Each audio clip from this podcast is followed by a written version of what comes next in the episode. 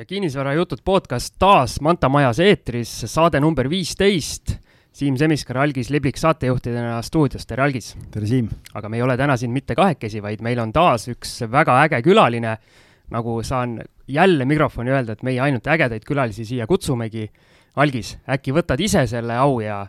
tutvustad äh, meie külalise sisse? no ma selle diiseri tegelikult tegin ju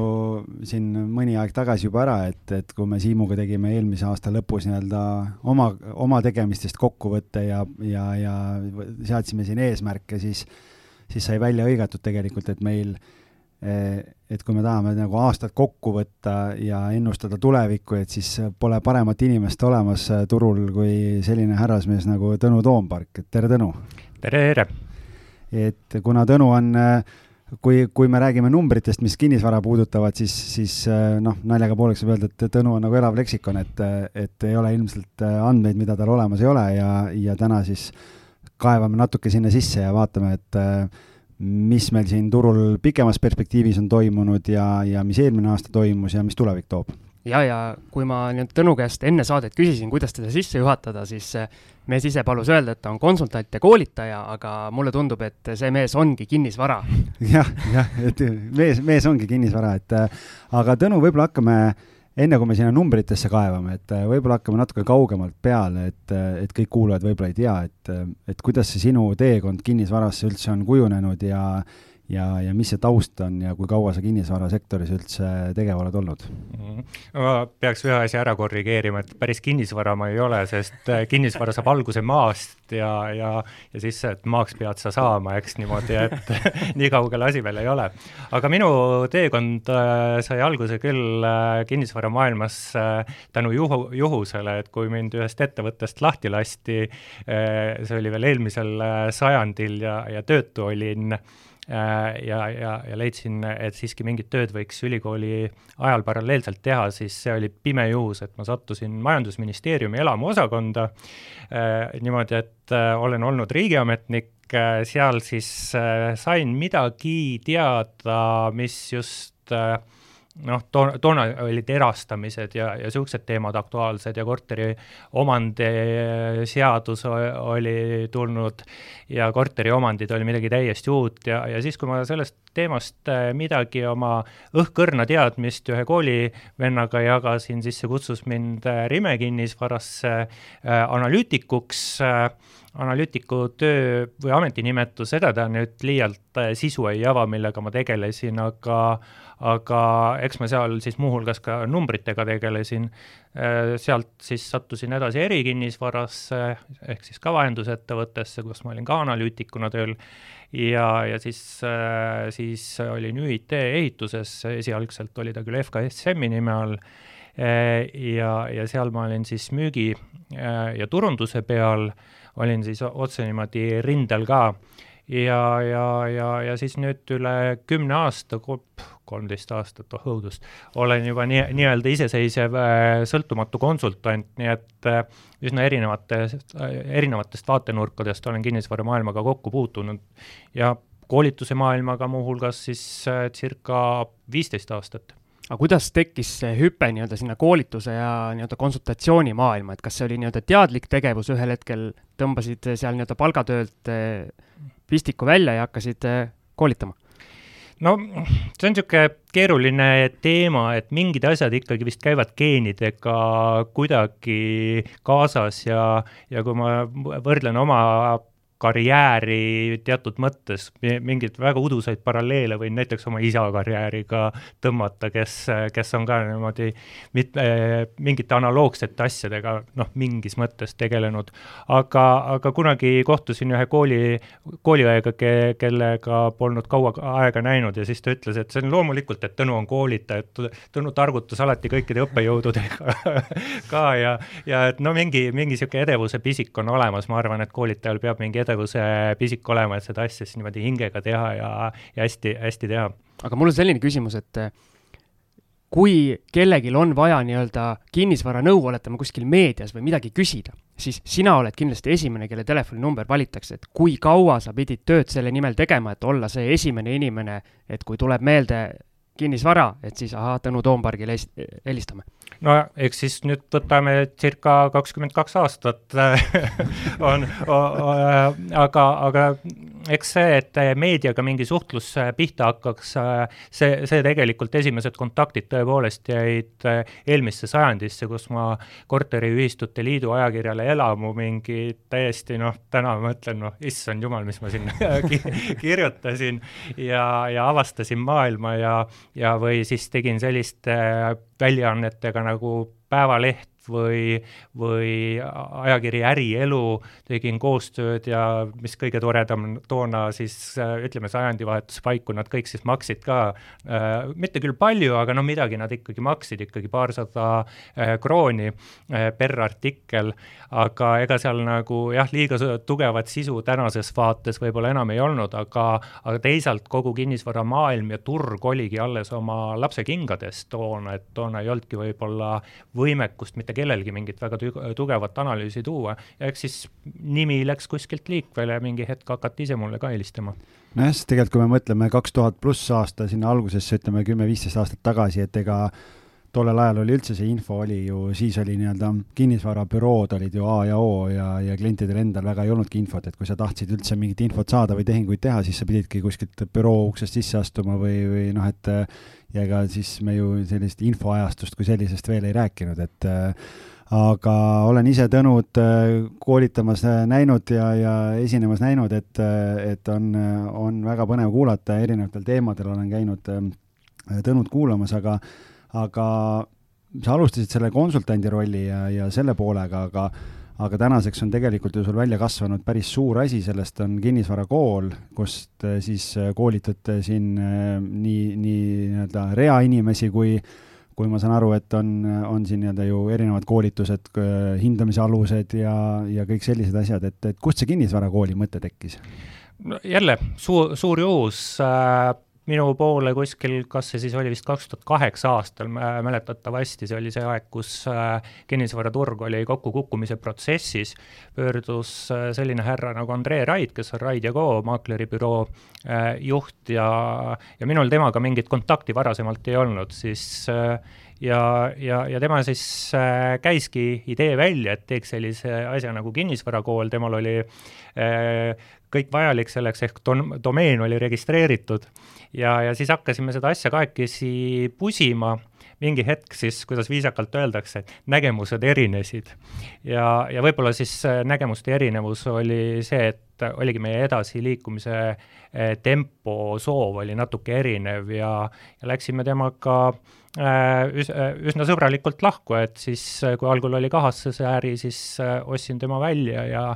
ja, ja siis sai sinna natuke äh,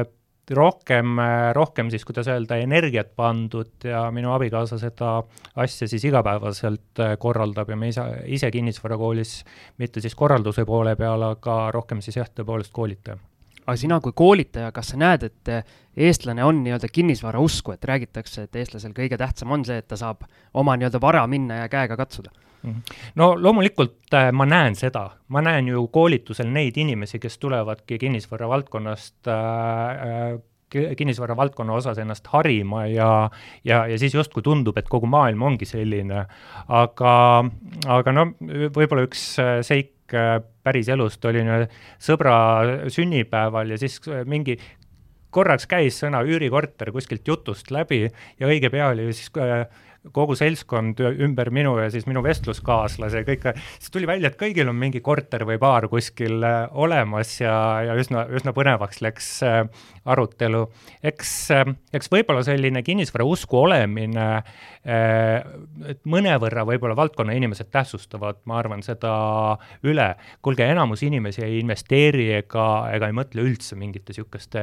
teemade kategooriate peale. täpselt, Kristi Saare ütles sedasama, et me ise arvame, et noh, jul-, julm, julm investeerimismull on ja kõik, kõik investeerivad, aga tegelikult on see ikkagi käputäis inimesi, keda oleme jah, oma, oma kõlakojas nii-öelda ja arvame, et see ongi A ja O. aga jah, kinnisvara on, on popp teema, et need, kes selle valdkonna peale mõtlevad, siis üsna kindlasti on nad rohkemal või vähemal määral mõelnud ka kinnisvara vald-, kinnisvara peale, kinnisvaraobjekti peale. noh, mulle tundub, et see on selline arusaadav asi, et, et kui sa hakkad rääkima sõbraga aktsiatest või, või mingitest võlakirjadest või asjadest, noh, see on selline hoomamatu asi, kui sa ei ole lugenud, kuulnud mitte midagi, aga keegi kuskil elab ju, sa nagu sellest sa saad nagu aru, et mida see nagu kujutab endast, et võib-olla sellepärast on ta ka selline nii-öelda laiahõlmalisem mm. või, või vähemalt tundub mm.. ja no kinnisvara investeeringu üks selline teooriaõpikust võetud eelis on see, et tema tulusus on suhteliselt hästi prognoositav, et noh, muidugi võivad mingid äh, suured paugud käia a la koroona, mis kuskil korraks lööb näiteks üüriturule sisse, aga kui me vaatame juba kolmeaastases perspektiivis, kas see ongi üldse oluline, eks, eks paistab, et täna võib-olla on oluline, aga mitte väga enam. Aga räägi oma koolitaja karjäärist, kas aastate jooksul need teemad, mida sa oled inimestele edasi andnud, kas need kuidagi muutuvad ka ajas, et kas inimesed saavad juba teadlikumaks, et äh, oskavad ise juba rohkem ja tulevad juba nagu spetsiifilisemat nõu küsima või need algajate nii-öelda koolitused on ikka endiselt veel mm? No eh, mina, mina oma hariduselt olen ökonomist ja, ja siis kinnisvaraturu ökonoomika on eelkõige see, mis on äh, minu valdkond on olnud läbi aja ja, ja siis äh, ökonoomika valdkonnas, kinnisvaraturu valdkonnas olen siis äh, teinud tõepoolest niisuguseid lihtsamaid äh, ja, ja ka noh, üsna, üsna põhjalikke koolitusi. teine teema, kus ma olen ka oma, oma magistriõpingute raames noh, millega tegelenud, on kinnisvaraturundus, turg ja turundus, sarnased sõnad, aga üsna üsna erinev äh, sisu ja siis turundus mitte ainult kommunikatsiooni poole pealt, vaid noh, ütleme siis spetsialistidele, spetsialistid saavad aru, et kõik neli P-d on mängus e,. Siis äh, ja, ja investeeringud et jälle, et noh, eks aja jooksul võib-olla noh, ma ütleks niimoodi, et sellised peamised teemad on jäänud samaks, aga, aga kuskil on siis tekkinud mingid eh, nišid ja, ja võib-olla, võib-olla ega ma väga ei tahakski neid valdkondi ses mõttes laiendada, et ma ise tahaks äh, või arvaks, et koolitaja peaks nagu midagi teadma, et koolitaja ei räägi mitte kõike koolitusel, mis ta teab, et ta räägib sellest, mis ta teab ainult kümnendiku ja ikka sisustab kogu aja mm, -hmm. aja ära. et, et, et, et see, see noh, see, see mingi professionaalne tase peaks äh, äh, olema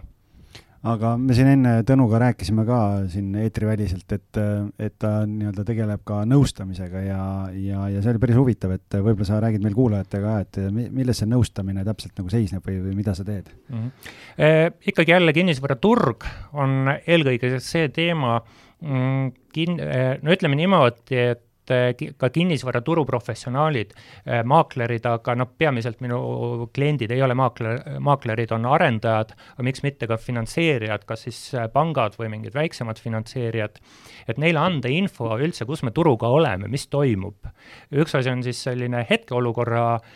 fikseerimine, mis päriselus ei pruugigi nii lihtne olla, et näha andmete taha, miks on siis äh, hind äh,, hind lõi detsembris rekordi, et miks ta lõi rekordi, või siis äh, teine, ja teine asi on, eks sinna juurde äh, ka, ka prognoosid, mis edasi võib saada, või no näiteks, et arendaja X tahab, tal on krunt punktis äh, X, ma ei tea, kalamajas näiteks, ja, ja ta tahaks teada, mis kalamaja ümber toimub, et äh, Äh, mis tema krundi ümber siis äh, toimub, milline on äh, konkurentsiolukord, kas, mis müüb, mis ei müü, mm, milline arendaja müüb, milline korteri suurus müüb, millise hinnaga korter müüb, kogu selline temaatika. või siis ka üldisemalt noh, ongi üldisem selline turu, turu kirjeldamine koos prognoosidega on see, millega ma igapäevaselt tegelen on sul, Algis, veel midagi küsida sellel teemal või äh, astume sammu edasi? ma arvan, et äh, astume edasi sellepärast, et, äh, et meil on ju just üks aastakümme on läbi saanud ja aga mul enne, kui sa hakkad nii-öelda päris konkreetseks minema, ütlen kuulajatele, kuulake kindlasti saade lõpuni, kuna kuna Tõnu ei tulnud siia tühjade kätega ja tal on mõned kinnisvarakooli raamatud kaasas, mis leiavad ühel hetkel oma nii-öelda uue omaniku, saate lõpus täpselt saame välja öelda, mis selleks tegema peab. ehk siis äh, ma võin ette lugeda, mis raamatud meil siin on. algisel on need kõik korraga. mul on ka käes kõik, et peopesad läksid higiseks kohe, et et on kinnisvaraõiguse abc, kuidas müüa kinnisvara, nõuanded koduostjale ja kinnisvaramaakleri abc nii et ma arvan, et see kes... viimane on äh, algise suur abits. no, selle ma olen läbi, see on kapsas, et, äh, et äh, aga ütlen nii, et tegelikult mul on need raamatud endal kõik olemas ja ma olen need läbi töötanud ja ma ütlen nii, et tegelikult, kes tahab ikkagi kinnisvara valdkonnas nii-öelda riskivabalt, noh, riskivaba ei ole kunagi, aga targalt tegutseda, siis ma soovitan, vaadake Kinnisvarakooli koduleheküljelt, neid raamatuid on seal veel et tegelikult väga erinevatel teemadel ja, ja hästi lihtsalt kirjutatud e Eevi Hindperega koostöös on need äh, tehtud ja, ja sealt on nii-öelda noh, ma ütlen, et enam minu meelest lihtsamini isegi ei saa kirja panna, kui, kui seal nagu on. aga kuulake siis saade lõpuni, siis saate teada, mida, mida tuleb teha, et need, neid raamatuid endale saada. aga ma arvan, teeme väikese vahekülli ka, meil veerand tundi siin juba kulunud ja siis läheme juba edasi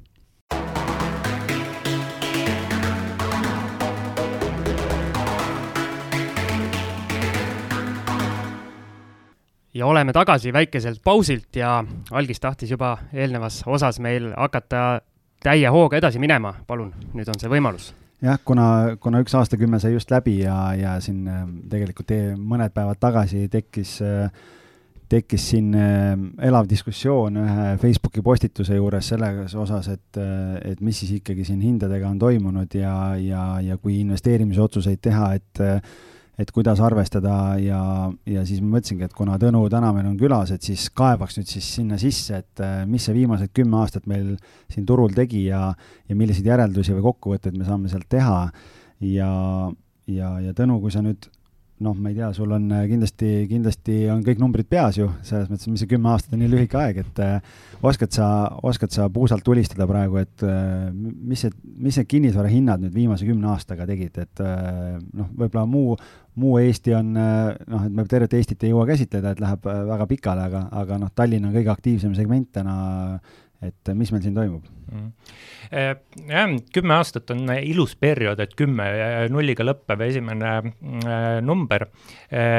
ma arvan, et noh, teoreetilises plaanis oleks parem vaadata majandustsükli pikkust perioodi ja majandustsükkel on meil siin äh, seekord äh, nõksa, äh, nõksa pikem olnud. aga kui ma, kui ma ütlen, noh, tulistan paar numbrit, ma luban kuulajatele, et ma ei hakka teid numbritega üle, üle külvama, aga Tallinna korteritehingute keskmine hind eelmisel aastal, kaks tuhat kakskümmend aastal oli kaks tuhat ükssada eurot. no ma, eks ümardan siin. ja, ja kümne aasta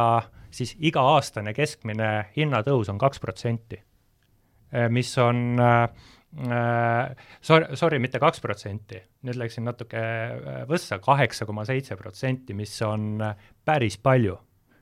Päris palju, eks. aga, aga mis oli kümme aastat tagasi, kaks tuhat kümme, see oli esimene aasta peale turupõhja, ehk see oli, see oli aeglane taastumine see, sel hetkel ja siis, äh, siis äh, taastumine kiirenes kaks tuhat kaheksa, kaks tuhat üheksa aasta kriisist. kui ma võtaks kaks tuhat seitse aastast, mis oli siis majandustsükli, kinnisvaratsükli tipuaastast tänaseni, siis tuleb kaks protsenti Tallinna äh, korterite hinnatõusu per, per aasta. nii et see kaks protsenti versus kaheksa koma seitse, et kukkumine üüratu, ma ütleks. aga noh, jälle, et kaheksa, kaks tuhat seitse aastal oli majandus täiesti tasakaalust väljas, kinnisvaraturg äh, oli noh äh,, et äh, see noh, Viljar Arakas on öelnud selle kohta, et oli kollektiivse joobe ajastu, mis minu meelest kirjeldab üsna, üsna tabavalt, mis toona toimus. Äh, ratsionaalsust turul ei olnud mitte kõige vähematki. Läheks veel ajas rohkem tagasi, läheks kahe tuhande viienda aastani tagasi, mis oli siis äh, noh, buumi, no tegelikult ikkagi buumiaasta, võtaks sealt siis aasta keskmise hinnatõusu määra, see on viis koma kuus protsenti, mis noh, on niisugune äh, pisut võib-olla rohkem äh, kui mõistlik, aga arvestades, et toona kinnisvaraturg äh, oli sellist laiapõhjalisust saavutanud või saavutamas alles kinnisvaraturg oli tekkinud, siis siis noh, ütleme niisugune okei okay number. mis me nende numbritega nüüd peale hakkame, et arvame, et järgmise kümnendi hinnatõus aastane on kaks, viis koma kuus või kaheksa koma seitse protsenti. see on loterii allegrii, et, et kuidas lähtuda, aga noh, tegelikult selles mõttes, et kui mina investoritega töötan, et, et, et noh, me oleme Siimuga ise arutanud siin, et kui meie enda nii-öelda objektidele analüüse teeme ja asju, siis me seda hinnatõusu ei arvesta, ei arvesta üldse et, et see on boonus, sest me ei tea, kuidas läheb. Aga kui ma siin välisinvestoritega töötan, siis nendel on selline kaheprotsendine äh, väärtuse kasv iga-aastane arvestatud äh, valemitesse sisse ja, ja kohalikel investoritel reeglina on kolm et mm. selles vaates mulle tundub täitsa adekvaatne. no mina pigem, äh, kui peaks valima kaks või kolm, siis mina pigem paneks äh, kolm, kui teha tänasel päeval niisugust viie või kümneaastast plaani, aga kõigi nende hinnatõusude juures, mis ma siin mainisin, peab siis mainima seda, et meil on ka inflatsioon Mm -hmm. mis, mis siin, okei okay,, see viimase kümne aasta jooksul pole küll väga, väga suur olnud, et noh, ütleme kolmeteist aasta peale mul tuleb äh, number meelde, on kuskil kolmkümmend viis, nelikümmend protsenti, noh kümne aasta peale, see ei ole midagi äh, meeletut aga sa mainisid seal kaks tuhat seitse aastal või selle buumi tipus siis kinnisvaraturg oli täiesti nii-öelda tasakaalust väljas. tasakaalust väljas, et kuidas me üldse sellisesse faasi jõudsime, kas oleks saanud üldse keegi midagigi teha, et äh, seda suurt kollapsi ei oleks järgnenud? no ütleme niimoodi, et äh, kuidas me sinna jõudsime, et kui kinnisvaraturul midagi olulist juhtub, siis äh, süüdlast otsides peaks vaatama panganduse poole. ja nii, nii ta ka oli pangad võitlesid turuosa pärast, andsid raha välja, intressimäärad järjest langesid konkurentsivõistlu-, võitluses. üks pangajuht ütles, et kuulge, me läheme siin hulluks, rootslased andsid kinga selle jutu peale. ja pankade, noh, siin mõne suurema panga kõige tähtsam näite oligi turu, turuosa. Ja suruti inimestele raha peale, inimeste laenukoormus eelnevalt oli null või nullilähedane, nii et oli, keris oli kuum ja sinna poolt keegi ei teragi vett visanud. Ja siis kõik, mis visati, aurustus ikka väga kiirelt susi, susisedes lõppes ära ja, ja äh, majandus võitses, tarbija kindlustunne oli hea, tööpuuduse määr oli, palju ta oli seal, kolm protsenti, äh, selle kohta ütles siis kaks tuhat kaheksa aasta alguses äh, Ansip, et kui see on kriis ja krahh ja, ja nii edasi. ja, ja palju positiivseid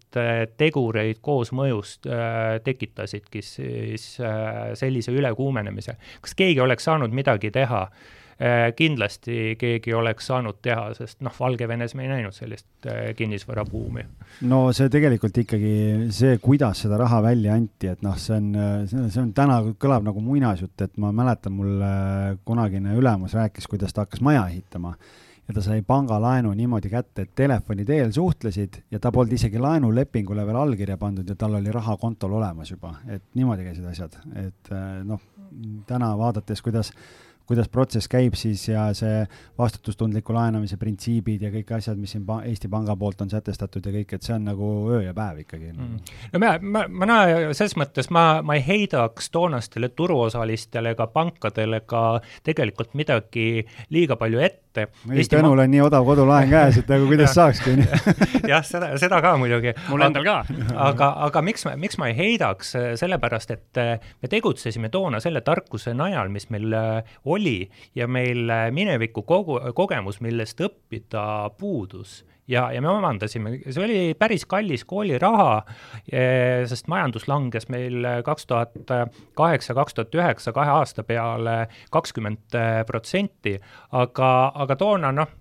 toona, kui, kui mina ÜIT-s töötasin, siis kahe tuhande neljanda aasta lõpust, kahe tuhande viiendast, me kogu aeg mõtlesime selle peale, et, et hinnakorrektsioon on võimalik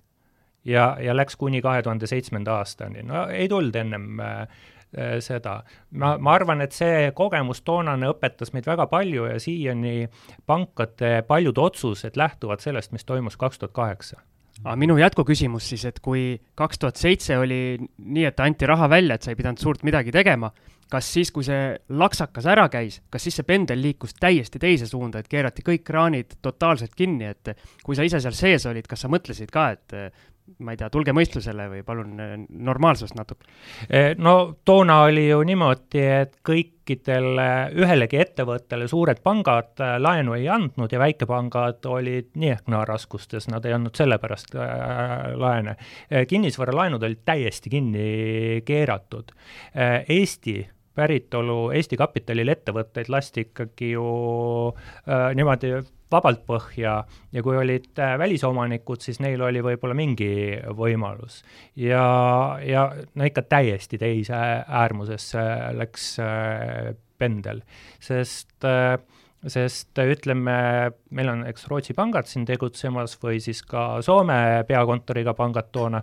eh, siis eh, neis riikides kohapeal oli ka jama, aga mitte muidugi nii suur jama, kui meil siin Eestis oli, sest noh, nende ülekuumenemine ei olnud selline. ja, ja eks nad siis kodus ütleme niimoodi, kustutasid äh, äh, hõõguvalt, altservast hõõguvaid kardinad, kui meil olid majad juba paar korrust maha põlenud. ehk nad äh, keskendusid oma kodule, nii et kapitalil selgelt on rahvus olemas aga noh, kui me nüüd mõtleme selle peale tegelikult, et, et mis siis nagu toimus ja, ja mõtleme selle peale, et noh, vaata, siin kõik on oodanud ju, et noh, ühel hetkel see majandustsükkel peaks läbi saama ja, ja siis jälle tuleb ja nii kui kevadel Covid tuli, siis osadel olid näpud püsti kohe, et nii sügisel on kollaps ja, ja tegelikult, kui me vaatame nüüd seda äh, võib-olla hiljem räägime natukene rohkem süvitsi, aga et noh, turg on üliaktiivne praegu, et äh, et võib-olla nendele kuulajatele, kellel on küsimus, et et noh, et kas siis on buum praegu või ei ole või kui ei ole, et miks ei ole või kuidas ei ole, et et kuidas sa seda praegust turuolukorda peegeldad, et et hinnad on ju üleval ja tehinguid on hästi palju ja nii edasi, et, et kuidas sa seda kommenteerid mm? -hmm. no ütleme niimoodi, et aasta alguses tegin ka mina noh, totaalselt pange läinud äh, prognoose ja, ja mille alusel ma prognoose tegin ah, et kõigepealt, et kes on analüütik, eks see on siis üks minu ametinimetustest. analüütik on see, kes teeb prognoose ja pärast väga veenvalt põhjendab, miks asjad pididki hoopis teistmoodi minema aga, aga mina, mina siis lähtusin oma prognoosides nendest noh, ütleme makroprognoosidest, mis toona tehti ja,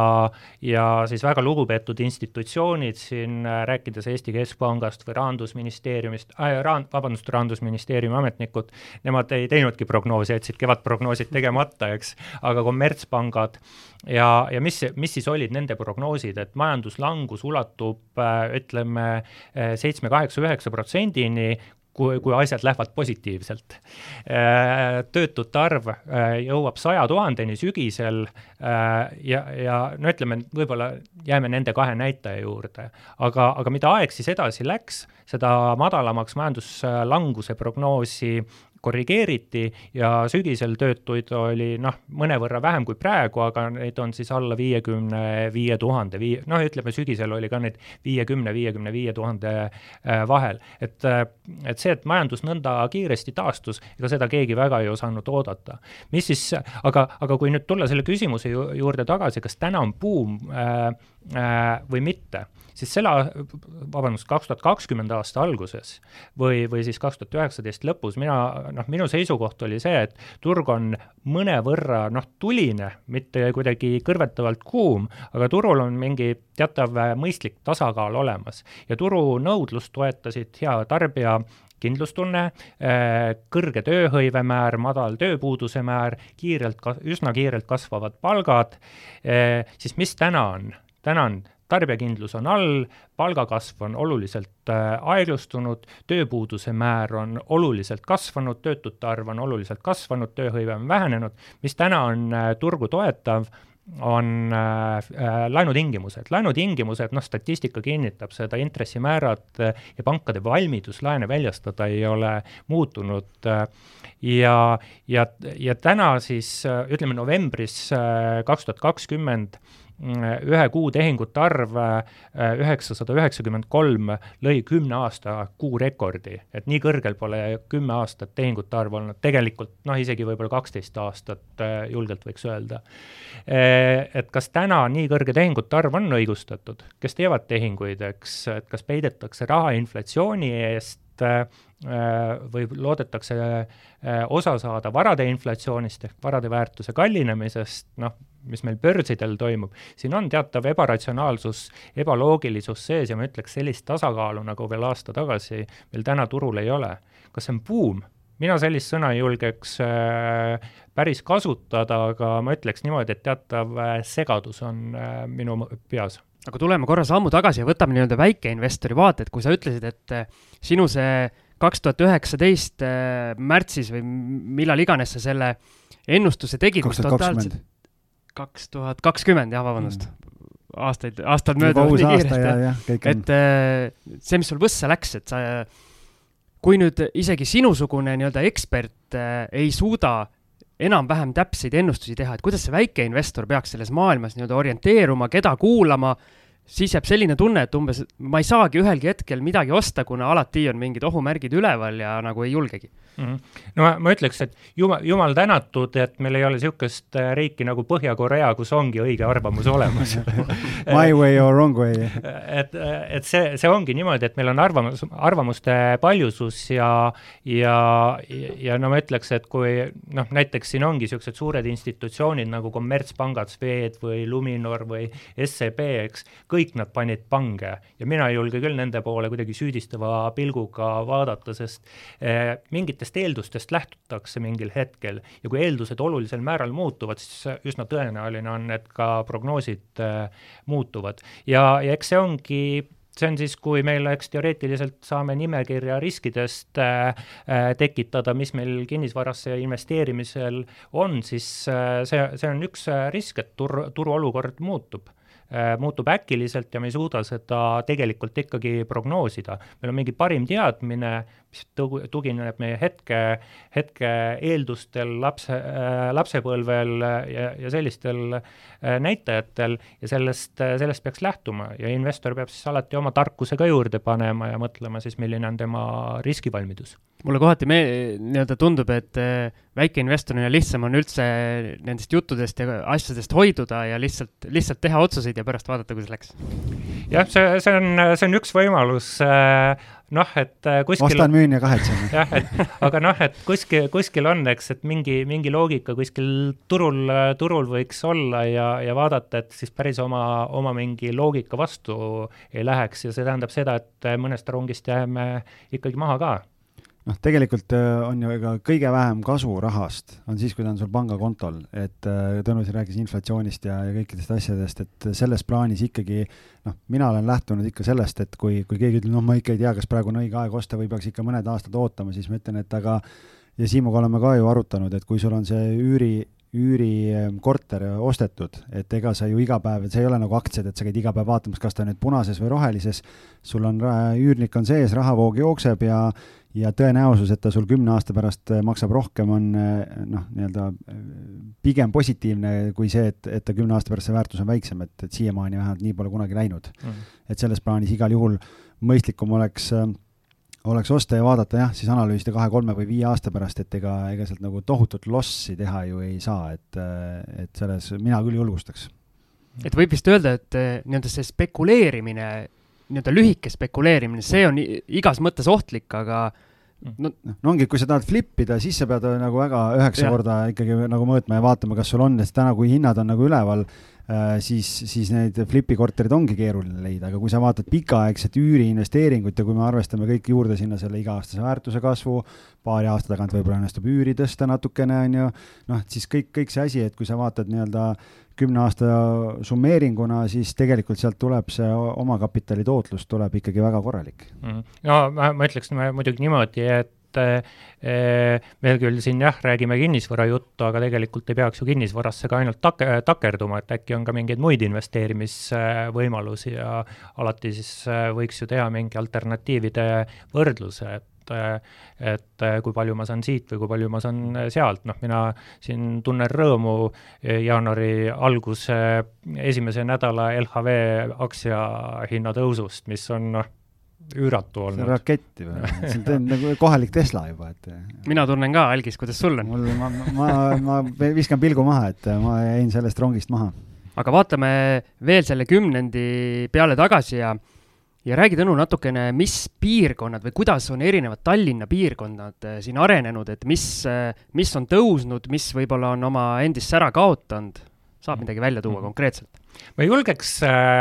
öelda, et mingi piirkond on kaotaja kinnisvaraturul olnud, kui vaadatagi näiteks niisugust rahulikumat viimast kümmet aastat. taastumine kinnisvaraturul on olnud äh, kõikides piirkondades, kõikides linnaosades või võiks isegi öelda, et kõikides äh, Tallinna asumites, igal pool arendus käib, äh, midagi, ikkagi mõni projekt on olnud, mõnes väikses asumis muidugi äh,, väiksemas asumis on vähem midagi uut, aga no ikka iga, igal pool midagi on. kes on, kes on siis kuidagi rohkem võitnud äh, siis äh, see võis olla kuskil circa viis aastat tagasi, kui ikka pressiti minult, et mis on äh, järgmine kalamaja, siis ma ütlesin, et kalamaja ongi järgmine kalamaja. Äh, siis kalamaja on selgelt olnud kinnisvaraturu mõttes üks, üks võitjatest ja, ja ma põhjendaks seda ka, et kalamaja mm, hurtsikud on, äh, paljud on ärganud uuele elule täiesti, need on äh, renoveeritud, tühjad hambaaugud on täis ehitatud ilusaid kaasaegseid äh, inimesi äh,, hooneid äh, ilusatele kaasaegsetele inimestele, on niisugust äh, noh, seda vana keskkonda, saja aasta vanust keskkonda on oluliselt uuendatud, aga siis on tekkinud ka täiesti uued piirkonnad, no Plessneri sadam või, või Pro Capitali Kalaranna projekt, mida nad seal äh, praegu teevad ja, ja eks sinna seda täiesti uut keskkonda on juurde tulnud. et Kalamaja on äh, Kalamaja minu jaoks väga sümpaatne piirkond, niisugune kesklinna lähedus, aga samas mitte kesklinna tihedus, kuigi okei okay,, Kalamaja on ikka päris tihe. ja, ja noh, no eks siit ole siis jälle, võiks esitada küsimuse, mis siis järgmine kalamaja on. Ja, ja kui me mõtleme seda, et äh, noh, äh, kalamaja kinnisvaraturu mõttes on see, et niisugune mm, peldikeks saab täiesti uue kvalite-, kvaliteedi, täiesti uue hingamise, siis, äh, siis mis, mis võiks olla järgmine, et ega meil niisuguseid getosid või slumme ju tegelikult Tallinnas väga ei ole, et ma küll ei tea, mis on slummi definitsioon, aga üheksa, üheksakümne üheksandal aastal mu TTÜ üks õppejõud ütles, et Kopli on ainus kant, mis vastab slummi definitsioonile, üheksakümne üheksandal aastal olid äh, liinid veel täies elujõus, täies elujõus selles mõttes, et üks äh, härra nimega, hüüdnimega Mogila üüris seal linnale kuuluvaid korterid välja, raha muidugi kasseeris endale äh,. äh ja, ja seal noh, ma, ma ikka ja jälle tahaks mütsi maha võtta fundi ees, kes on äh, selle piirkonna täiesti uuele elule pööranud ja, ja, ja noh, üsna, üsna kindel on see, et fundi müügiedu, noh, tõe kriteerium on praktika ja kui me vaatame, kuidas fund on müünud, siis see on ikkagi super luks, siis, äh, siis fundi müügiedu on toonud äh, äh, Koplisse ka uusi projekte kaasa, et siin Linenex just ühe projekti äh, lõpetas, lõpetas müügi mõttes, et ehitus äh, käib äh, minu teada veel, peaks vist hakkama valmis ka saama, aga tuleb sinna teisi projekte, Scandium näiteks ja ja, ja, ja üht-teist on ikka sinna veel Hepsor teeb ju selle manufaktuuri äh, hästi suurelt. see ei ole Kopli, see on Kop-, Koplist no, kaugel okay., see on Sitsi. no see jääb Sitsi ja Pelguranna juba jah, aga ei, see on Sitsi aga... ja Karjamaa, Pelgurann okay. on teisel ah, pool okay, sõnet okay.. no vot, eksperdid. no vot, et siin ei tasu eksida, on ju, et siin tuuakse kohe, karistatakse ära, et aga, aga selles mõttes jah, tegelikult mina ka usun sellesse Koplisse, et see on nüüd järgmised kümme aastat on see koht, noh, vaadates kõiki neid erinevaid suuri arendusi ja asju ja ja see, ma arvan, et seal on, see on päris põnev, mis seal nagu mm. saab kogu sellest asjast. jah, et seal, seal on just seda ruumi ja seda mastaapi midagi uueks äh, pöörata. Lasnamäel no ei ole, ei ole äh, tühjasid krunte, kuidas kogu Lasnamäed kuidagi pöörata või Lasnamäe ühte mingit asumit. vot just, ma tahtsin Lasnamäe juurde tulla ja teiste magalate juurde ka, et nii-öelda USA kinnisvara podcast'e kuulates, seal on olnud pärast seda nii-öelda autotööstuse kokkukukkumist näiteks Detroit ja sellised linnad, kus suur tööstus oli, kui see buumis, siis äh, kinnisvara hinnad samuti olid äh, nii-öelda tipus, nüüd äh, mingitel hetkedel Detroit oli täiesti nii-öelda põlvili maas ja kas Eestis või Tallinnas ei ole mingit nii-öelda sellist, sellist piirkonda, kus võib nagu see hind nii totaalselt langeda, kui näiteks teised piirkonnad ära võtavad inimesed? Ma, ma julgeks ühe pakkumise teha siin, vaatame, kas Tõnu kinnitab või ei kinnita, Ida-Virumaa. Ida-Virumaa, ma ei kinnitaks, aga ei lükkaks ka ümber, ma võtaks Ida-Virumaalt välja näiteks Kohtla-Järve, kus, kus on, et mis on Ida-Virumaa laiem probleem, on kõrge tööpuudus, läbi kahekümne aasta on seal olnud märksa kõrgem tööpuudus kui kusagil mujal Eestis, teistes maakondades. ja, ja teine asi on väljaränne eks tööpuudus võib olla selle üks äh, äh, põhjus. ja kui inimesed lähevad ära ja kinnisvara jääb alles, siis nõudlus väheneb ja noh, pakkumine äh, püsib ja, ja see mõjutab hindu, siis Kohtla-Järve kindlasti on üks koht, kus Äh,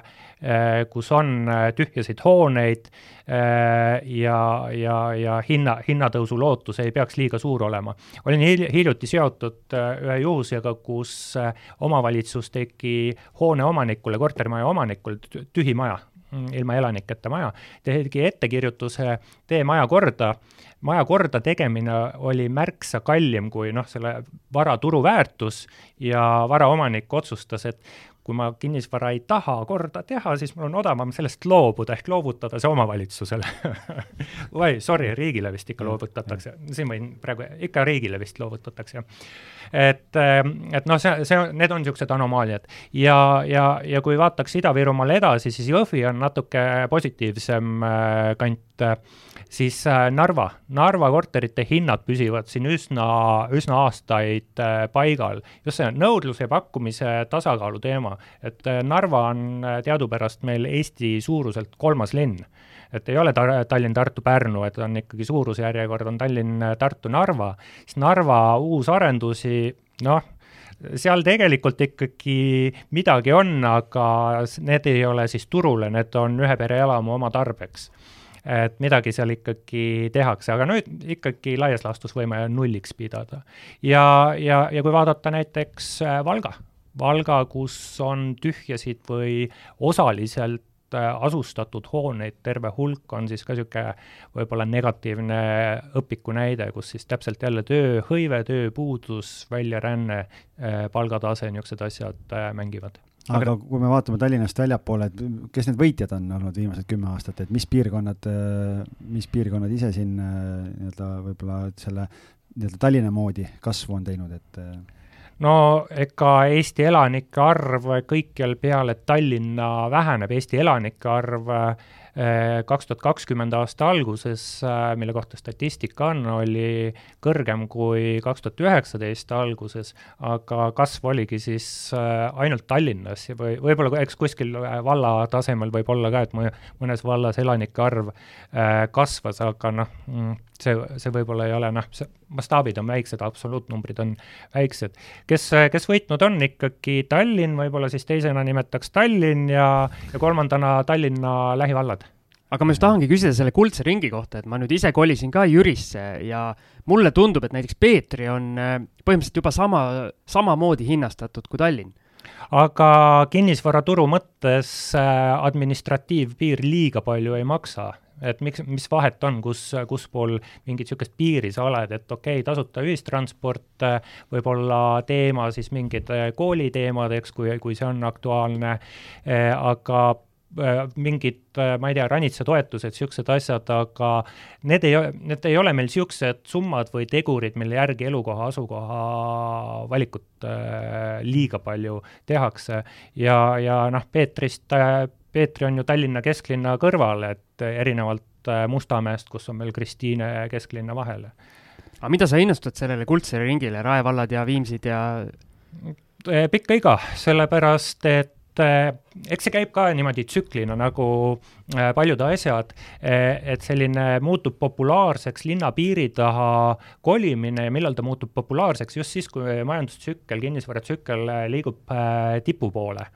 Ja, ja siis, kui ta peaks allapoole minema, siis turu kas languse faasis või tõusu alguse faasis jälle eelistatakse kesklinna, aga see, see on siis, siin tulevad mängu või tuleb mängu see, kes on nõudluse poole peal, kui rikkad inimesed eh, noh, turu põhjas saavad tehinguid lubada endale ikkagi rikkad ja ilusad vaata, algis, öeldakse, et investeeri nii-öelda vastu tsüklit ja mina nii-öelda oma koduostuga lähen täpselt lainega kaasa, siis tundub noh, sul on. ei ole kõige targem. noh, sul on siin juba mitmes kord, et äh, aga noh, ega aga kui sul seal meeldib, eks, kui sul seal meeldib, sul on, sinu, sinu jaoks vajalik on olemas, siis, siis ongi ju super luks, koduost on ikkagi sellise ütleme siis mingite vajaduste rahuldamine, et see on ikkagi kulutus, seda liiga tõlgendada kui investeeringuna, noh, ma arvan, ei tohiks aga ma räägin sulle oma mingitest tähelepanekutest ja siis sa saad sinna võib-olla juurde lisada, et, et mis need numbrid seal näitavad, et mis mulle on nagu silma jäänud, on see, et noh, Pärnu on hästi aktiivne olnud, eriti uusarenduste pool viimastel aastatel, seal ju ka artikleid ilmunud, et on mingi tohutu laojääk on ju, noh, mida Tallinnas täna tegelikult väga ei ole. Ja, ja noh, Tartu oli pikalt nagu vaikelu ja, ja seal nagu ei, ei tulnud neid uusi arendusi, nüüd viimased paar-kolm aastat on seal ka action käima läinud ja ja mulle nagu üllatuslikult tegelikult on Viljandis ka mingeid äh, maju hakatud ehitama ja, ja kogu see piirkond. ja noh, loomulikult eks äh, turismilinnad siin Kuressaare, Haapsalu, äh, Pärnu on noh ne,, nemad on need, mis on, on siin võib-olla nii-öelda kuidagi mulle on tunne, et on nagu arenenud või, või kuidagi, kui seal kohapeal ka käia, et vaatad, et nagu justkui nagu elu käib, aga, aga mis sina kostad selle peale? nojah, et eks meil siin viimase kolme-nelja aasta jooksul on niisugused väiksemad maakonnakeskused mm, olnud ka kinnisvaraturu mõttes aktiivsed ja, ja kogu sellise üldise majanduskonjunktuuri toel äh, nõudlusel jõudu on olnud. ja arendust on olnud siis lisaks neile linnadele, mis sa mainisid, noh, äh, Võrus kindlasti praegu, mul tuleb meelde, Rakveres on olnud, nii et äh, igal pool on olnud, aga vaata, mastaabid jäävad suhteliselt väikseks niimoodi, et äh, üks-kaks maja ja jah, et öelda, et äh, noh, et see on nagu teine, teine liiga, kui et Rakveret või Võrut või Viljandit ei saa Tallinnaga liiga palju võrrelda, aga noh, tõepoolest, et äh, Pärnu ja Tartu arendustegevus ja, ja turuaktiivsus on ka ikkagi olnud päris tugev, Pärnu ei saanud siis kaks tuhat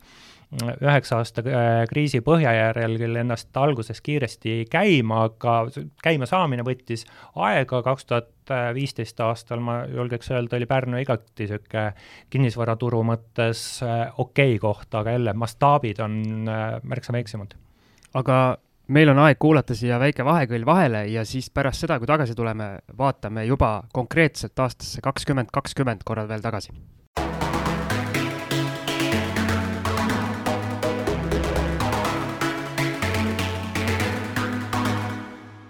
ja kinnisvarajutud saade viisteist Tõnu Toompargiga on meil tagasi. vaatame nüüd korra aastasse kakskümmend kakskümmend, kui see Covidi kriis eh, meil kogu maailma elu raputas, võib vist nii öelda, et mis siis eh, konkreetselt Eesti kinnisvaraturus täpsemalt juhtus, eh, mida nii-öelda sina tol hetkel tähele panid ja just nii-öelda tagasi vaadates, mis, mis sa ise analüüsinud oled mm? -hmm mis mind isegi imestama pani, oli see, et meil äh,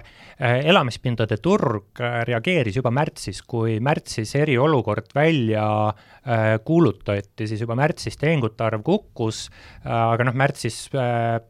kuu poole peal tuli eriolukord, nii et kukkumine oli seal paarkümmend protsenti, aprillis-mais äh, kukkumine juba seal kolmkümmend, nelikümmend protsenti, noh, üle kolmekümne, üle neljakümne protsendi juunis äh, ta-, äh, äh, kukkumine, tehingute arvu kukkumine vähenes, kuni siis septembris tehingute arv ületas aasta tagust, toimus kiire taastumine. nii et tehingute arv oli minu meelest kõige olulisem turuindikaator, mida vaadata ja ja, ja noh, nagu siin sai ka juba räägitud, siis äh, september, oktoober, november, detsember tehingute arv ikkagi oli üli, ülitugev, et üle tuhande päris ei läinud tehingute arv, aga, aga palju alla ka ei jäänud. mis toimus hindadega, noh, hinnad on niisugune seksikam teema, aga ikkagi turulikviidsustehingud on äh, märksa olulisem. hinnad äh, püsisid äh, teatud mõttes paigal, aga aga teises kvartalis oli ikkagi, kui me vaatame turu keskmist hinda, siis teises kvartalis äh, kaks tuhat kakskümmend läks keskmine, turu keskmine hinnatase üles. kui me vaatame vanuse lõikes kortereid, siis läks kõigis vanuseklassides läks hind tegelikult ikkagi alla. ja, ja kuidas siis äh, turu keskmine sai tõusta, muutus tehingute struktuur, tehti rohkem tehinguid uute korteritega, nii et äh, väike vale, suur vale ja statistika ja, ja kolmandaks kvartaliks äh, hinnalangus äh, taandus. Äh, ja, ja kuidas me siis täna, kaks tuhat kakskümmend üks ähm, alguses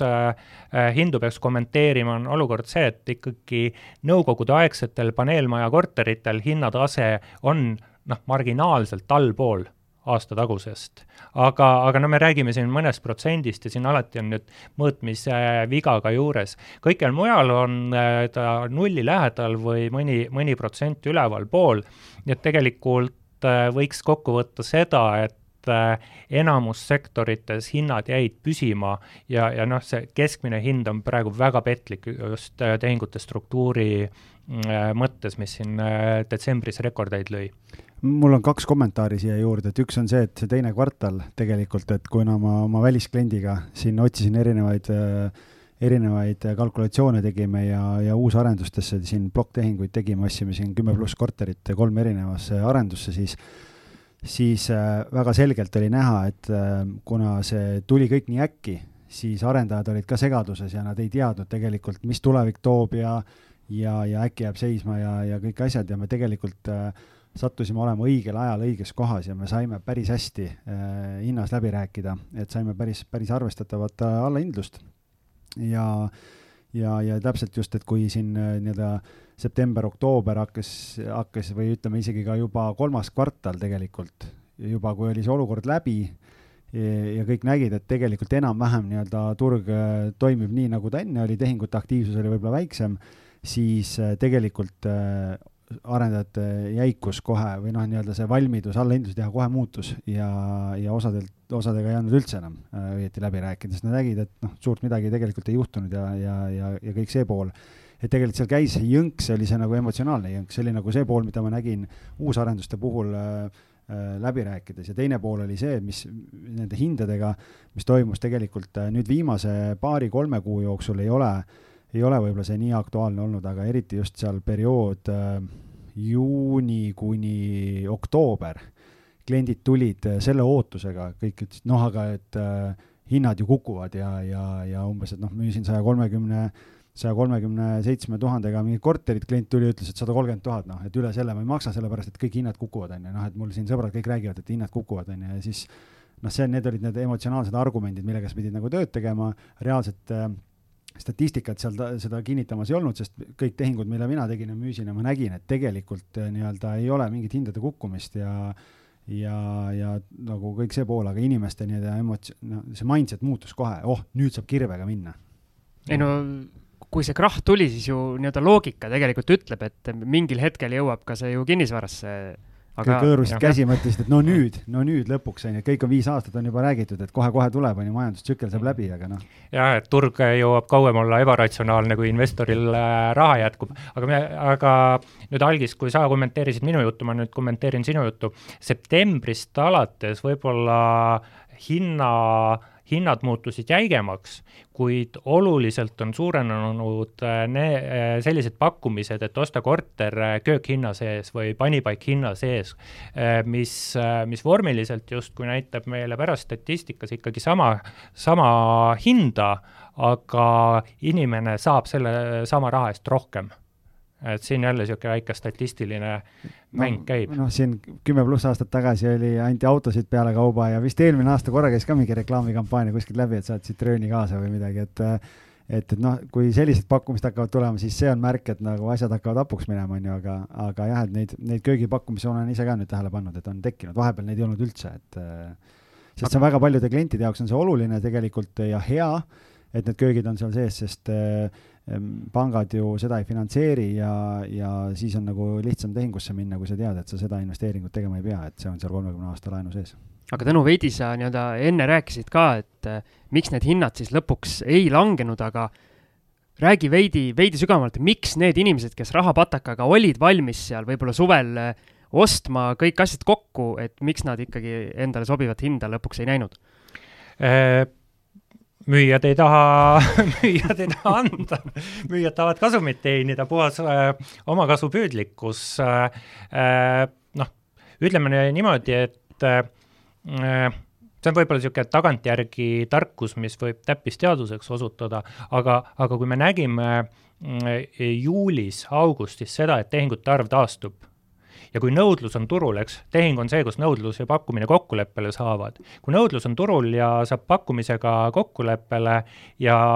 ja, ja ostusoove tuleb juurde, siis miks peaks hinnas järgi andma? pigem ma ootan kuu-kaks ja, ja äh, võib-olla pikendan oma müügiperioodi, aga kui ma saan korteri hinnale seal pluss viis tuhat või pluss kümme tuhat äh, juurde või noh, ei pea seda allahindlust äh, pakkuma, siis kõik arendajad pigem ootavad natuke. ja ega, ega ma muul moel ei oskagi seda seletada ega arendajate taustad on ka ju väga erinevad, et osa arendajaid ju ehitavad niimoodi, et neil laenu polegi üldse ja nendel oma kapital on äh, sees ja sinu kunagine tööandja näiteks äh, minu teada ehitab niimoodi, et äh, ja neil ei ole kiiret, ütlevad, et müüme siis, kui müüme ja mm, -hmm. ja probleemi pole, nii et, et eks arendajate nii-öelda äriplaanid on ka erinevad. jah, ja siin on üsna oluline on see, et meil äh, võiks ühest küljest justkui öelda seda, et arenduse pakkumine on kontsentreerunud, kontsentreerunud ütleme niimoodi, et ka, top kakskümmend arendajate käes on kuskil noh, seitsekümmend, seitsekümmend viis, võib-olla isegi kaheksakümmend protsenti pakkumisest. ja see top kakskümmend arendajat, kes paku-, kelle käes pakkumine on, need on piisavalt tugevad äh,,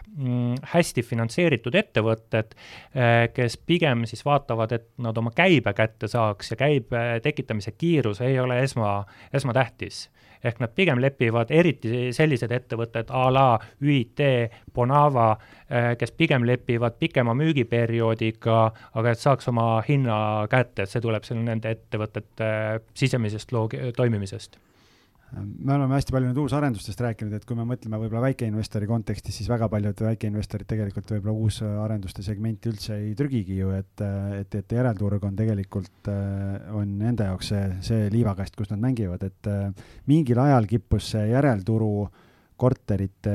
ja uusarenduste korterite hinnavahe nagu hästi väikeseks minema, et kas selle Covidi tulemusel on nüüd näha seda ka, et need käärid läksid jälle suuremaks või on see jõudude vahekord kuidagi seal püsima jäänud? No siin tuleks tagasi selle juurde, et täna statistika näitab, et äh, nõukogudeaegsed paneelmaja korterid on mõnevõrra odavamad kui aasta tagasi ja muudes vanuserühmades äh, pigem ollakse siis samal tasemel, kus äh, aasta tagasi või õige pisut kõrgemal, nii et täpselt siit on hinnakäärid mõnevõrra laiemaks läinud. Aga veidi nii-öelda tulevikku vaadates, et tuli see koroona teine laine pärast suve, et kas on äh, ikkagi, ütleme siis niipidi, et need, kes rahapatakaga siiamaani valmis on äh, ostma, et kas neil on veel mingit lootust nagu odavamalt saada midagi kätte või ikkagi see vaktsiini lootus ja see, et juba nii-öelda süstid käivad, et äh, kas see nii-öelda kustutab selle? Ma arvan, ma ise ei oskaks vaktsineerimist liiga tähtsaks pidada, pigem on äh, rahatrükk märksa olulisem, eks, et kui me võtame top viis tegurit, ma arvan, et vaktsiin isegi sinna, äh, top viis tegurit, mis kinnisvaraturgu, nõudlust, pakkumist mõjutavad, ma arvan, et vaktsineerimine nende hulka ei kuuluks. ma just mõtlesin, et äkki see on nagu emotsionaalne, et ja. aga, aga kui, kui rahapakk on käes, siis noh, Äh, sõltub, kui suur rahapakk on, et kui ma tahan ühte korterit osta, siis, äh, äh, siis tõenäoliselt ma pean, peangi jahtima mingit hea hinnaga pakkumist, leidma seda, kes tahab kiiresti müüa. kui mul on suur rahapakk käes a la, eks Eften ostis sada kaksteist korterit, siis nemad said ikkagi discount'i kätte, mis oli vist circa kümmekond protsenti Äh, suurusjärgus või oli viisteist, no ütleme sealkandis, et ta ei olnud mingi äh, kolmandikku ei saanud odavamalt, kolmandikku sulas ei saanud. Aga kümme-viisteist on ka päris palju ja, ja, ja, aga no vaata, et milline mastaap, sada kaksteist, äh, sada kaksteist korterit. aga, aga eks eks siis tuleb võib-olla leida ka selline arendaja, kelle jaoks kiirem müük on äh, olulisem aga võib-olla siit teemegi nüüd sammu edasi, et me, kui me räägime ostmisest, et aga vaatame nüüd seda üüriturgu ka, et äh, tegelikult seal on ju kõvasti suurem muudatus toimus tegelikult ju üüriturul äh, versus nagu müükidega, et äh, et, et kui muidu oli siin ikka niisugune tuhat ükssada, tuhat kakssada üüripakkumist Tallinnas, siis noh, täna on stabiilne tuhat üheksasada, kaks tuhat, et et kas see nüüd on uus normaalsus või, või sa arvad ikkagi, et need jõuvahekorrad loksuvad uuesti nagu paika tagasi, et kui turism taastub, et et noh, minu hinnang on see, et see pakkumiste arv jääb suuremaks, kui ta oli varem, sellepärast et väga paljud, kes läksid enne õnne proovima lühiajalise üüriga, enam ei julge seda sammu võtta või siis on see, et nad on juba saanud pikaajalised üürilepingud peale ja nad ei hakka uuesti rapsima, et sinna tagasi minna. et, et kas see, kas see number nüüd jääb kõrgemaks või jääb ta nii kõrgeks, kukub ta kuskile sinna tuhande viiesaja kanti või, või mis sinu nii-öelda nägemus on selles osas? No lühemas perspektiivis ega vist ei ole suurt põhjust, miks mm, üüripakkumine peaks äh, vähenema. Ja pikemas perspektiivis meil mm, enne koroona tulekut meil olid segmendid, kus meil oli nõudluspakkumine üüriturul enam-vähem tasakaalus, äh, pigem siis kallimad, äh, kallimad korterid. Mm, ja, ja kuskil oli defitsiit, siis pigem odavamad korterid siis, äh, siis võib-olla nüüd odavamate korterite nišš ja on samamoodi siis äh, noh, nimetatakse seda siis ülepakkumiseks mm -hmm. ehk pakkumist rohkem kui nõudlust. nii et äh, ma selles mõttes nõustuksin sinuga, et pakkumiste arv võiks tõepoolest kõrgemale jääda, ehk siis konkurents üürileandjate vahel muutub teravamaks, hea teenus, korralik teenus, korralik korter muutuvad tähtsamaks äh, Äh, argumendiks. Äh, täna äh, täna siis sellises koroona vaates tulid, eks eelmise aasta märtsis, juba märtsis, aprillis tulid hinnad niisugune kümme, viisteist, kakskümmend protsenti allapoole, noh, siin erinevad hinnangud, võiks öelda, et täna on nad jäänud viis, kümme protsenti allapoole aasta tagusest, siis ma, ma küll kaht-, Äh, kahtlustan, et mõnda aega üürileandjad peavad leppima madalama tootlusega, mõnda aega. kui kaua on mõnda aega, äh, eks see nüüd äh, sõltub sellest, et kuidas siin käesoleva aasta majanduses ikkagi läheb, et kas majandus läheb siin teises-kolmandas kvartalis uuesti positiivselt käima või mitte, täpselt turismi taastumine või noh, mingigi taastumine võiks olla see, mis natuke üüripakkumist ära tõmbab äh, majutusärisse, et need tegurid hakkavad siin kõik äh, mõjutama, aga igal juhul ma prognoosin, et kaks tuhat äh, kakskümmend üks aasta tuleb keerulisem, oluliselt keerulisem kui kaks tuhat üheksateist aastal, aga mitte nii hull kui kaks tuhat kakskümmend muutuste aasta no ma praegu näen, et needsamad in-, need korterid, mida me siis investoritele siin ostsime eelmisel aastal, et me oleme nüüd neid sisustanud ja need hakkavad järjest valmis saama ja, ja tuleme jälle sinna uusarenduste juurde tagasi. et äh, kui sul on ikkagi uus korter korralikult sisustatud äh,, eh, hind on küll kõrgem, et ma just äh, järjest siin panen üles kortereid ja ja, ja lähevad päris kiiresti ära ja huvi on ülikõrge, hind ei ole odav, et, äh, et, et ma ütleks, et äh, ma panin kõrgema hinna, kui me olime investoritele kalkulatsioonides teinud ja huvi on ikkagi väga suur ja, ja ühes majas on siin juba kolmeteistkümnest korterist on nädalaga juba kolm tükki läinud ja, ja, ja täna käisin näitamas paarile kliendile jälle, nii et, et ega ta, ma ütlen ikkagi nii, et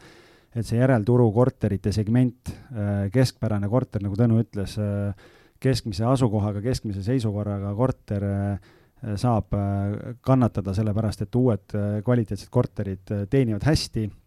ja, ja nende järele on nõudlust ka turul täna mm. -hmm. no mis, mis võib-olla ma noppisin su jutust välja, on see, et äh, turul on likviidsus olemas, mis on kõige, kõige olulisem. Ja eks äh, kinnisvaraturu siis äh, kuidas öelda, omapära või, või iseloomustav tegur ongi see, et kui on mingid raskused, kriisid, siis pigem halb segment saab rohkem kannatada kui, kui hea, sest need, kes on halvas segmendis, kas siis üürnikud näiteks, nad siis kolivad mõnevõrra parema pinna peale siis tuleb selle halva segmendi esindajal oodata järgmist buumi, et siis kolivad kõik tema juurde tagasi. jah, et siis, kui, kui enam ei jaksa jah, et siis tuleb tagasi minna aga.... tegelikult me muidugi algis soovitame, et see nii-öelda kehvas seisus korter tuleks teha selliseks, et inimesed tahavad sinna tulla. ostad, ostame ära ja renoveerime ära ja teeme ta samamoodi äh, nii-öelda väga, väga ilusaks ja koduseks, nii et, et see on jah, see võti, et, et kümme aastat tagasi tehtud remondiga täna võib-olla väga löögile ei pääse või, või ainuke argument ongi hind, millega sa saad, odav hind siis. aga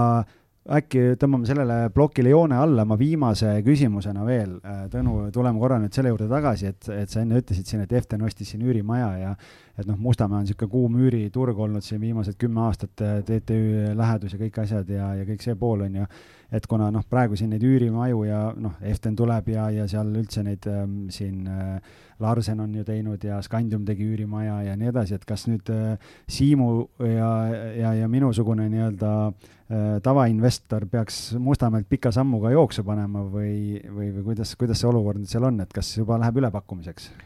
ma ei julge nüüd öelda, et üle, kas on ülepakkumine või alapakkumine, et ma ei arva, et kuidagi peaks äh, ära jooksma, noh, ühe-kahe korteri omanikul ikkagi ruumi on, aga noh mm,, mm, eks väike, väikeinvestori üks konkurentsieelis on see, et tema Exceli tabelisse oma tööjõukulu ei pane ja sellele saab ikkagi jätkuvalt mängida. aga teisalt, kui siis ongi mm, suured äh, üürileandjad, kellel võib-olla on ka mingi bränd, mingi tuntus, loodetavasti siis positiivne tuntus, eks nendega konkureerimine läheb kindlasti keerulisemaks ja noh, kui me mõtleme äh, kullaaugu TTÜ peale, siis noh, eks Larsen sealsamas äh, kõrval kogu Scandiumi mingi projektide punt, eks äh, läbi ajaloo sealsamas kandis, noh, ega Eften ka kaugel ei ole. ehk, ehk sinna jah, mängitakse palju, et võib-olla võiks, võiks mõne muu piirkonna peale ka mõelda. aga ma ei, ma ei usu, et, et see nüüd äh, turgu kuidagi nüüd nad nii kuivaks äh, tõmbavad. et sa no. usud, et nii-öelda väikeinvestoril on ikka alati oma nišš täita? jaa, jaa, ikkagi, ikka on, et äh, lihtsalt üks fakt äh, äh, Saksamaa kohta, kuus äh,, seitsekümmend protsenti, no ütleme, kaks kolmandikku üürileandjatest äh, Saksamaal on äh, väikeinvestorid äh, ja, ja Berliinis on siis küll üks kolmandik on väikeinvestorid ja kaks kolmandikku suured, nii et küll, küll mahuvad kõik ära. ehk siis kolime oma, oma üürikorteritega pealinnast välja ja, ja tegutseme edasi. absoluutselt. Siimuga koos Vaidasse nii, aga teeme siia vahele väikese kõlli ja siis tuleme tagasi, vaatame juba, mis on Tõnul endal investeerimisportfellis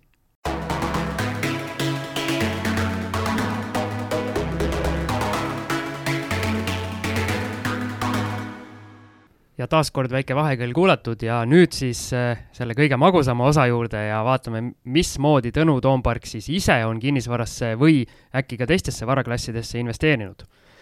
aga Tõnu, räägi. no ole, olen investeerinud, olen investeerinud nii ettevõtete aktsiatesse börsil kui, kui siin alternatiiv mingitel platvormidel, kui, kui siis äh, kinnisvarasse ja, ja noh, kui me siin kinnisvarasse, kinnisvaraportfellile keskenduksime, siis praegu üürin välja kuute korterit, mis on äh, kahe-kolmetoalised, pigem kolmetoalised, äh, ja, ja nad asuvad Kristiines äh, kesklinnas miks no, just, miks just selline kolmetoaliste segment? aa, üks on ühetoaline ka, jah. Miks kol-, ütleme niimoodi, et et äh, kuidagi saatus on, saatus on niimoodi mänginud mm, et ma ei ole kuidagi niimoodi väga süsteemselt investeerimisobjekti otsinud, praegu just tegelikult mõtlen, et ma võib-olla peaksin seda tegema. jään su emaili ootama, väga hea. Äh, jah, ja äh, ja, ja mul on, mul on ports korterid ühes majas. Ja, ja kuivõrd maja on väga okei okay ja hästi juhitud äh,, olen ise ka juhatuses, ühistu juhatuses. Ja, ja siis, siis olen ühte majja noppinud äh, mitu korterit, mis on ka nende valitsemist võib-olla ehk äh, lihtsamaks teinud ja noh, ütleme, mingid asjad on ette teada, et siis on olnud ka hea lihtne neid oste teha, kus võib-olla olengi natuke tootlusest tagasi andnud, aga, aga teatav mingi mastaabi, mastaabiefekt on. aga räägi oma nii-öelda esimese investeerimiskorteri lugu, et mm. mida sa sealt õppisid, millal see oli ja kas see korter on siiamaani portfellis? see on äh, kümme aastat tagasi ostsin ühe korteri jah, ja maksin ta eest liiga palju see oli võib-olla üks õppetund, et kuidagi eh, pärast, pärast jäin mõtlema, et ostsin sa samasse majja veel mitu korterit ja märksa odavamalt aga mm,, aga mm, see korter oli, ma ostsin ta niisuguse täitsa heas olukorras, noh, mitte ideaalne, aga ega palju puudu ka ei jäänud. Ja ja no ma pole kümme aastat seal korteris remonti eh, teinud, et mul oli seal üks poolakas üürnik, kes leidis pruudi soome niimoodi, et ega ta seal korteris liiga palju ei käinudki. ideaalne üürnik. täpselt, ja maksis ka korralikult ja amortisatsiooni eh, ei, ei olnud eh,. mis ma praegu veel oskan öelda? aga mis su tootluse ootus on, et kui sa korterit otsid või valid, et mm. mis see lähtepunkt on sul? No tootluse ootus, selline lihtsustatud tootluse ootus, aastaüür jagatud äh, kõigi kuludega, ostuhinnaga pluss kõigi kuludega võiks kuhugi kuue protsendi kanti ikkagi jääda. täna ma, et võib-olla see võiks ka oluline olla, et täna ma olen läinud seda teed, et kasutan mugavusteenust, et ma annan korterit äh, ühele ettevõttele üürile, kes annab need siis omakorda allüürile, nii et mulle on äh, nüüd siis turutasemest küll mõnevõrra madalam üür äh, garanteeritud äh, kaksteist kuud aastas ja, ja üürnikuga ja, ja selliste teemadega tegeleb siis äh, operaator ja, ja noh, et, et sellisel juhul siis tootluse ootus on võib-olla, äh, tuleb natuke allapoole, et kui ma mõtlen, et mis üüri minu operaator mulle mm, maksaks. aga mingi hetk sa nii-öelda tegelesid ise ka üürnike ja, ja sellega, et aga on sul mõni selline värvikas lugu rääkida võib-olla või või on ämbrid jäänud kolistamata selles vallas? mulle, mul on üks äh, no nii kirev lugu, et, et seda nagu paari sõnaga rääkida ei ole võimalik, aga ütleme hästi-hästi kokkuvõtlikult. Äh, tuli hea jutuga üürnik äh, Äh, mul oli korteris äh, kaks korda läks toru katki niimoodi, et siis võib-olla ma olin seal ka natuke pehmo üürnikuga su-, suheldes. ma müüsin üürnikule korteri võlaõiguslikult maha, ta pidi mulle veel siiski ka mingi äh, nii-öelda vaba maksegraafikuga, et noh, mingid piirid olid paigas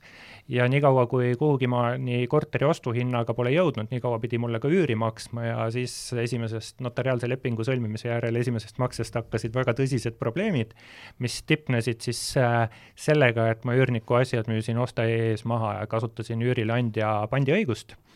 ja sain, sain, mõelge nüüd, palju üks neljakümneaastase härrasmehe, äh, soliidse härrasmehe kodune vara võiks maksta.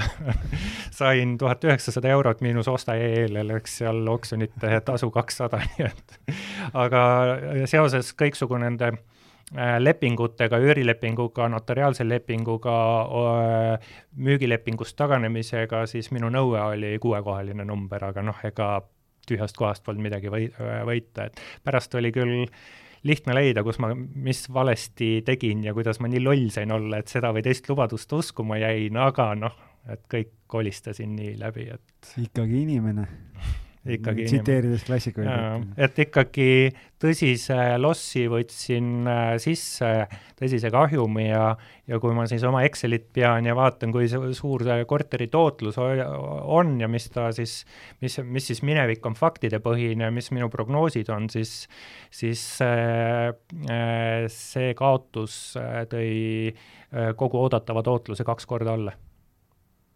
päris oma... valusad õppetunnid, aga noh, ütleme nii, et elu õpetab ja, ja nüüd oled targem, on ju. aga kas see ei pannud nagu mingit eh, nii-öelda kabelimatsu sellele soovile ikkagi kinnisvarasse investeerida? oi, ei, ei, kaugeltki mitte, sest äh, selgelt oli tegemist ühe üksikjuhuga ja ühe konkreetsest persoonist tuleneva niisugune suhete puntraga, noh, seal see nii pikk, nii pikk lugu, et kui ma siin ühe killu avaks, siis ma peaks seda kuidagi selgitama ja. tuleb raamat kirjutada. see demotivatsioonipauk oleks võinud juba ju varem tulla, kui jõudis kätte teadmine, et sai üle makstud, et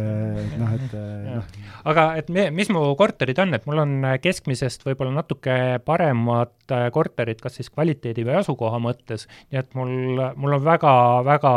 häid meeldivaid üürnikke äh, äh, olnud, kellega on äh, noh, ütleme selline üürisuhe väga mõnus olnud, kus üks hispaaniakeelne perekond oli välja kolimas, sest said äh, äh, said ol,, olid last saamas, ei mahtunud minu korterisse enam ära ja kui järgmine hispaaniakeelne perekond tuli siis potentsiaalselt üürikorterit vaatama, siis eelmine müüs sisuliselt korteri maha, eks, et et kõik on nii hea, kõik on nii super ja ja väga meeldiv oli. mul on siin konkreetne nõuanne meie väikeinvestoritest kuulajatele, et uurige välja, kus Tõnu need korterid asuvad, siis saate teada, kus on keskmisest paremad asukohad Tallinnas. ma, ma võin öelda, et no. kesklinn ja Kristiine kas kogu kesklinn ja kogu Kristiine või on seal mingi tänavatel ja seal ka roll no.? Noh, tänaval ja tänaval kindlasti on mingi vahe, et noh, kas või kui me mõtleme äh, selle peale, kus on liiklusmüra, näiteks kus seda ei ole, kus äh, päike käib ja, ja kus ta ei käi, et kui, kui mul on Sõpruse puiestee ääres korter, siis see võib-olla ei tundu esmapilgul väga hea asukohana, aga kui me teame, et korter on hoovi pool ja tema seitsmekümne ruudusele terrassile äh, näitab siis valgust õhtupäike, et siis võib-olla on juba päris hea. et noh jumala eest, et guugeldage, küll te üles leiate, mis mul on, et räägime korra finantseerimisest ka, et kuidas sa oma korterite ostusid oled finantseerinud, et kas sa esimese ostsid kodulaenuga või, või, või üürid sa välja neid eraisikuna, ettevõttena, et kuidas sul see äriplaan ja kogu see pool on üles ehitatud? äri käib ikka ettevõtte alt, äh, ma arvan, et äh, nii on mõistlik, mul ei ole sellist kinnisvara, mis oleks minu eraisiku nimel, mida ma äh, välja üüriksin ja kõik korterid on finantseeritud pangalaenuga. Äh,, täna LTV ehk siis vara vastu on mul kuskil circa pool või õige pisut vähem kui pool äh, laenu. Ja, ja see on niisugune mõistlik äh,, mõistlik äh, minu jaoks, noh, ütleme niimoodi, et väikeettevõtjana ei ole garanteeritud, et palka kindlasti saan ja ja, ja selleks, et leib kindlasti laual oleks äh,, ma liiga suuri riske ei taha endale võtta ja, ja võin öelda nagu seda ka, et kui, kui ka mina pidin oma korterite üürihindasid eelmisel aastal kevadel ikkagi allapoole laskma, siis noh, ses mõttes ma elasin selle stoilise rahuga üle, ma teadsin, et leib püsib laual ja, ja tühja kõhtu ei pea ise tundma ja lapsed ka mitte. nojah, et kui nii kõrge LTV on või noh, tähendab nii madal, vastupidi, et sul omafinantseering on nii Äh, kõrge, siis, siis on ka see rahavoog on positiivne jah, et, et mida, mida suurem laenu osakaal, seda, seda suurem tõenäosus on, et, et tuled jeeli-jeeli nulli või, või isegi alguses natukene maksad seal peale. Mm.. aga sinusugune ekspert, mida sa soovitaksid algajale kinnisvarainvestoritele, kes võib-olla siis plaanib oma esimest objekti soetada, et eh, mida, mida jälgida, mida teha on selliseid konkreetseid nõuandeid mm? -hmm. no vot, see tuleb võib-olla minu iseloomust ja, ja, ja lastetoast, aga ma paneks, paneks asja Excelisse muuhulgas. vaataks, kas äh, tuleb välja või ei tule. kui ei tule, siis, äh, siis ei ostaks või otsiks äh, järgmist objekti ma soovitaks kindlasti analüüsida, aga, aga siin on oht, et üle analüüsida, üle analüüsida ka ei tohi. et kui Excelis ei klapi, ega siis päriselus kindlasti ei klapi. kui Excelis klapib asi, tuleb välja oodatud tootluse määr ja oodatud äh, kasum, siis äkki päriselust äh, tuleb ka. vot kuldsed sõnad. ma arvan ka, jah, ei tasu minna emotsiooniga üürikorterit ostma. Siim, kuulsid, panid kõrva taha, väga hea. aga ma arvan, et siin hakkame otsi kokku tõmbama, meil oli enne üks äh, lubadus, et äh,, et need raamatud, mis sai välja hõigatud äh,, me jagame kuulajatele ära. Ja Siim, äkki sa räägid lähemalt, äh, mis meil nüüd selles osas edasi saama hakkab? ja meil on plaanis teha siis meie kinnisvarajuttude Facebooki gruppi üks konkreetne teema, kus saab äh, konkreetse kuupäevani, me vist panime seitseteist jaanuar selleks kuupäevaks, selle ajani saab postitada omapoolse kõige põnevama, kõige huvitavama, kõige naljakama loo eh, enda nii-öelda seiklustest kinnisvaras eh, või kinnisvaraga seotud loo. kas see on siis oma kodu ostmine, mingi investeerimine üürnikuga, nagu, nagu Tõnu just rääkis oma sellise värvika juhtumi. ükskõik, mis teil rääkida on, pange see kirja võimalikult eh, konkreetselt ja siis Tõnu hiljem siis valib äh, need neli inimest, kellele me selle raamatu anname või raamatud anname ja võite siis ka kirja panna, millist raamatut teie eelistaksite nendest neljast endale saada. ja siis võitjad hõikame välja ühes meie saadetest, nii et, äh, et, et see on siis juba nii-öelda sellel järgneval, äh, järgnevas saates. absoluutselt ja ma usun, et see teema Facebooki grupis meil selleks ajaks, kui see saade avalikuks saab, on juba tehtud, ehk siis kohe nüüd, kui podcast läbi saab, minge Facebooki gruppi Kinnisvarajutud ja hakake kirjutama.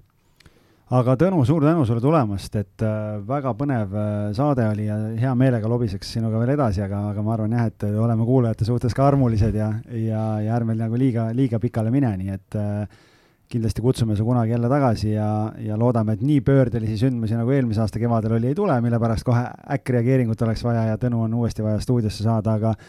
aga igal juhul edu sulle sinu järgmistel investeeringutel ja, ja Siim, aitäh sulle ka oli tore. minu poolt ka tänu Tõnule tulemast ja tänud, Algis, et äh, aitasid. aitäh, et kutsusite ja soovin kõikidele kuulajatele põnevaid kinnisvaraelamusi. nägemist. Kuulmiseni